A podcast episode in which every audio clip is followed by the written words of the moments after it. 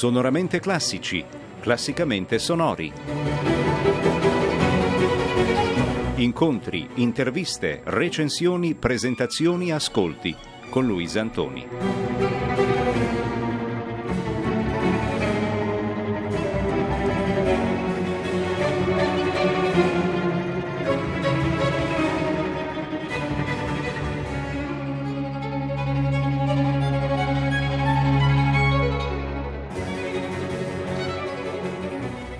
Ascoltatori ed ascoltatrici, bentornati.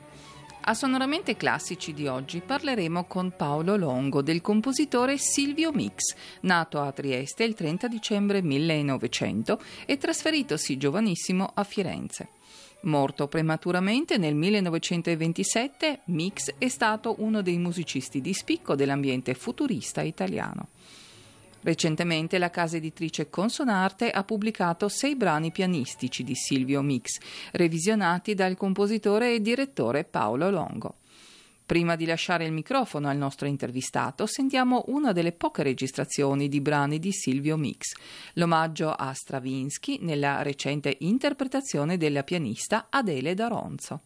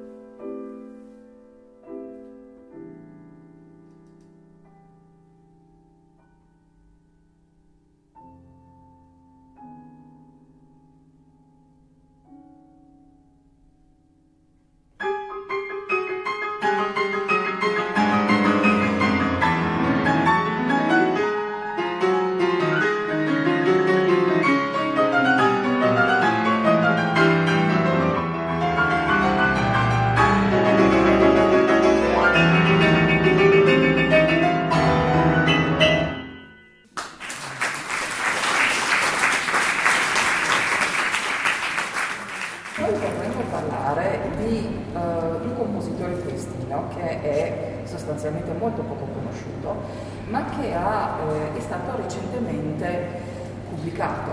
Le, I suoi brani pianistici sono stati ripubblicati e anche è stata fatta una registrazione. Si tratta di Silvio Mix. Chi è stato Silvio Mix? Eh, Silvio Mix è stato un fenomeno veramente sui generis del tutto particolare. Un uh, compositore nato a Trieste di origini lontane, lontane origini ungheresi, il suo cognome originariamente veniva scritto M-I-C-K-S,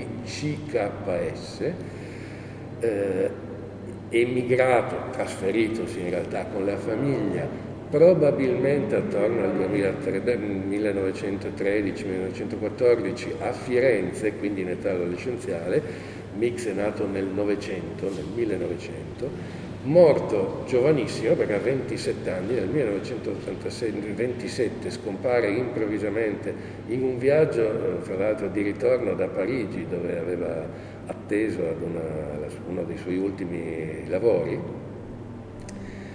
Silvio Mix ehm, si è legato, era legato al futurismo, nello specifico al secondo futurismo, anche per motivi anagrafici, no? quindi dopo gli anni 20, 22, 23 era molto vicino allo stesso Marinetti, a cui tra l'altro ha dedicato un lavoro pianistico, a Franco Casavola, a Balilla Pratella, a Marasco e ad altri eh, musicisti, artisti, letterati, poeti, eh, futuristi.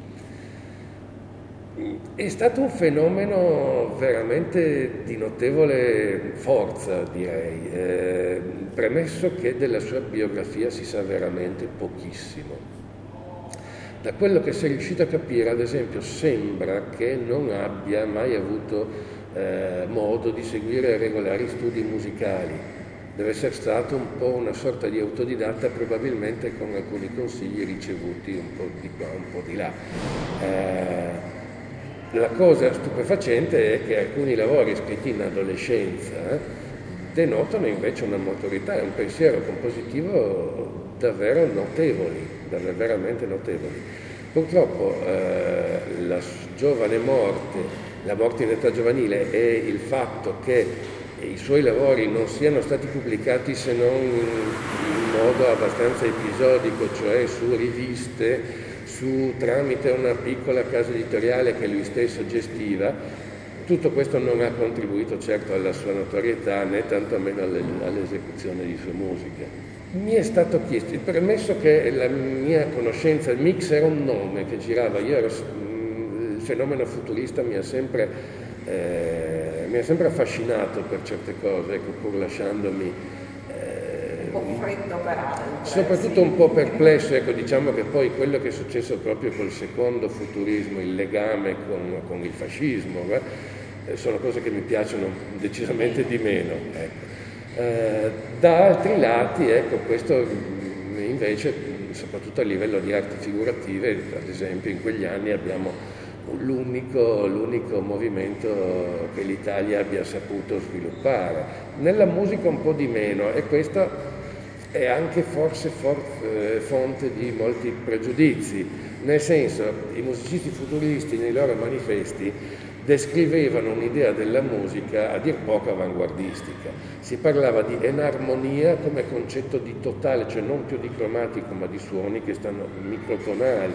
Si parlava di poliritmia nel senso di ritmi imbizzarriti, sovrapposti senza alcuna relazione fra di loro.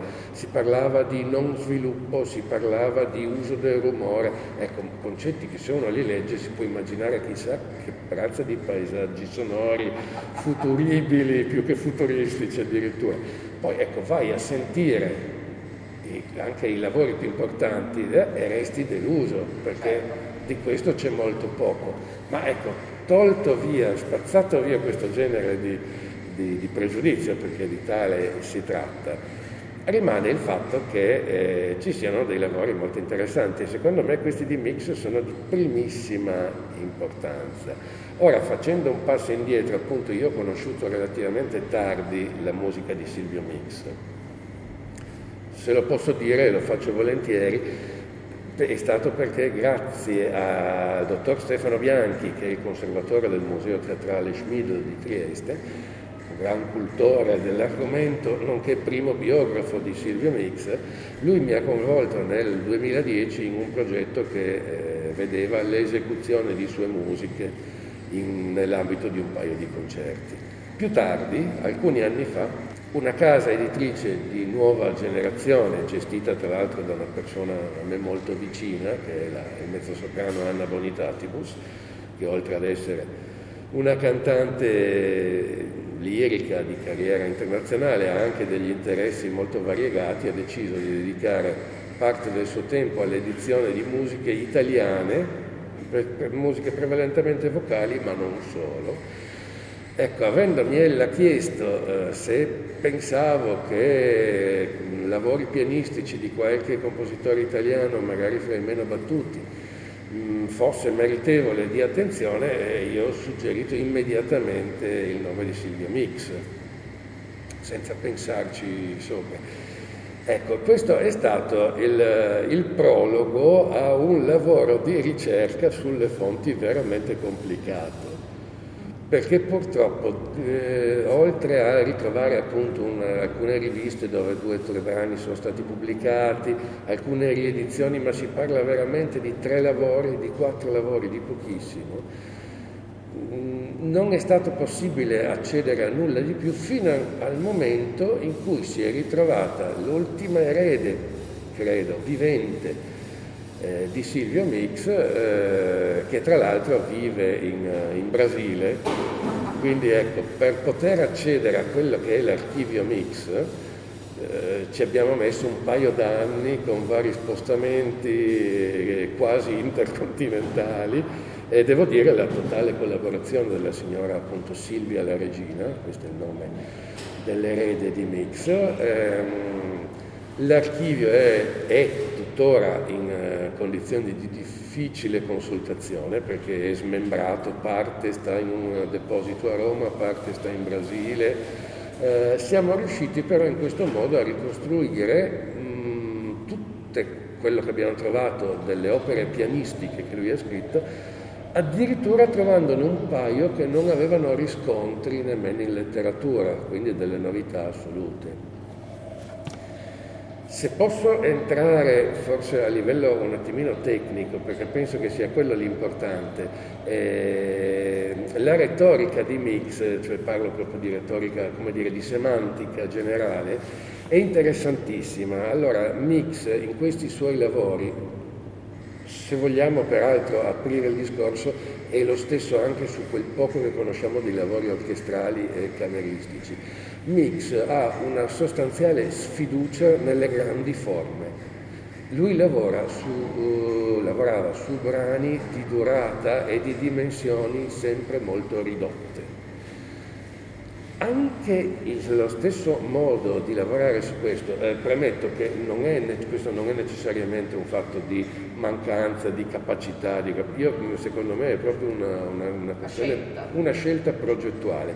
È la stessa scelta che qualche anno dopo farà Anton Weber, certo. per cui ecco, no, sicuramente contatti con Weber mix non ne ha avuti, ma mm, può essere anche eh, dire, uno specchio di quei tempi che non necessariamente sono terminati, magari continuano anche oggi. Detto questo, eh, Mix ha un pensiero musicale interessantissimo. Eh, lui lavorava, è, è già difficile parlare di temi, ad esempio, lui lavorava su cellule. Uno dei suoi lavori, intitolato Omaggio a Stravinsky, prende un frammento tematico da Petrushka, di Stravinsky, dal balletto Petrushka, lo riduce a cellula di 3 o 4 suoni e lo utilizza in un modo curiosissimo, cioè suo, questa cellula viene reiterata anche ossessivamente, viene giustapposta, viene contrapposta, viene trasportata, ma non c'è mai quello che si, si, si, si dice lo sviluppo, nel senso canonico del termine, che è un pensiero di estrema modernità. Io se devo pensare a chi lavorasse in questo modo, mi viene, ecco, dei compositori di quegli anni, mi viene in mente sicuramente Janacek, lo Janacek maturo, che peraltro non ha fatto scuola perché era troppo particolare, no? troppo, eh, e saltando varie generazioni chi lavorava con le cellule era Franco Donatoni, per cui ecco, il pensiero era veramente di estremo interesse. Rimane il fatto di questa morte a 27 anni, morte misteriosa perché appunto avviene su un treno, eh, se non sbaglio in provincia di Varese, eh, che ha così frantumato la possibilità di vedere cosa sarebbe uscito da questa mente eh, qualche decennio dopo, ecco, chissà, chissà, co- chissà, cosa sarebbe potuto uscire. Dunque, chi volesse uh, conoscere questo punto può farlo ordinando alla casa consonante questo fascicolo che lei ha curato e uh, però ci sono anche delle registrazioni. Sì, credo che sia in corso, sia in progetto ancora la registrazione di tutti questi lavori pianistici. Qualcuno è già facilmente reperibile sui canali, diciamo, eh, consueti su YouTube, ecco, per essere specifici Eh, Consonarte ha eh, in progetto appunto una registrazione sistematica di tutti questi lavori, speriamo che adesso dopo questi due anni di paralisi lavorativa questo venga, venga più facile la realizzazione ecco, di tutto questo. Grazie.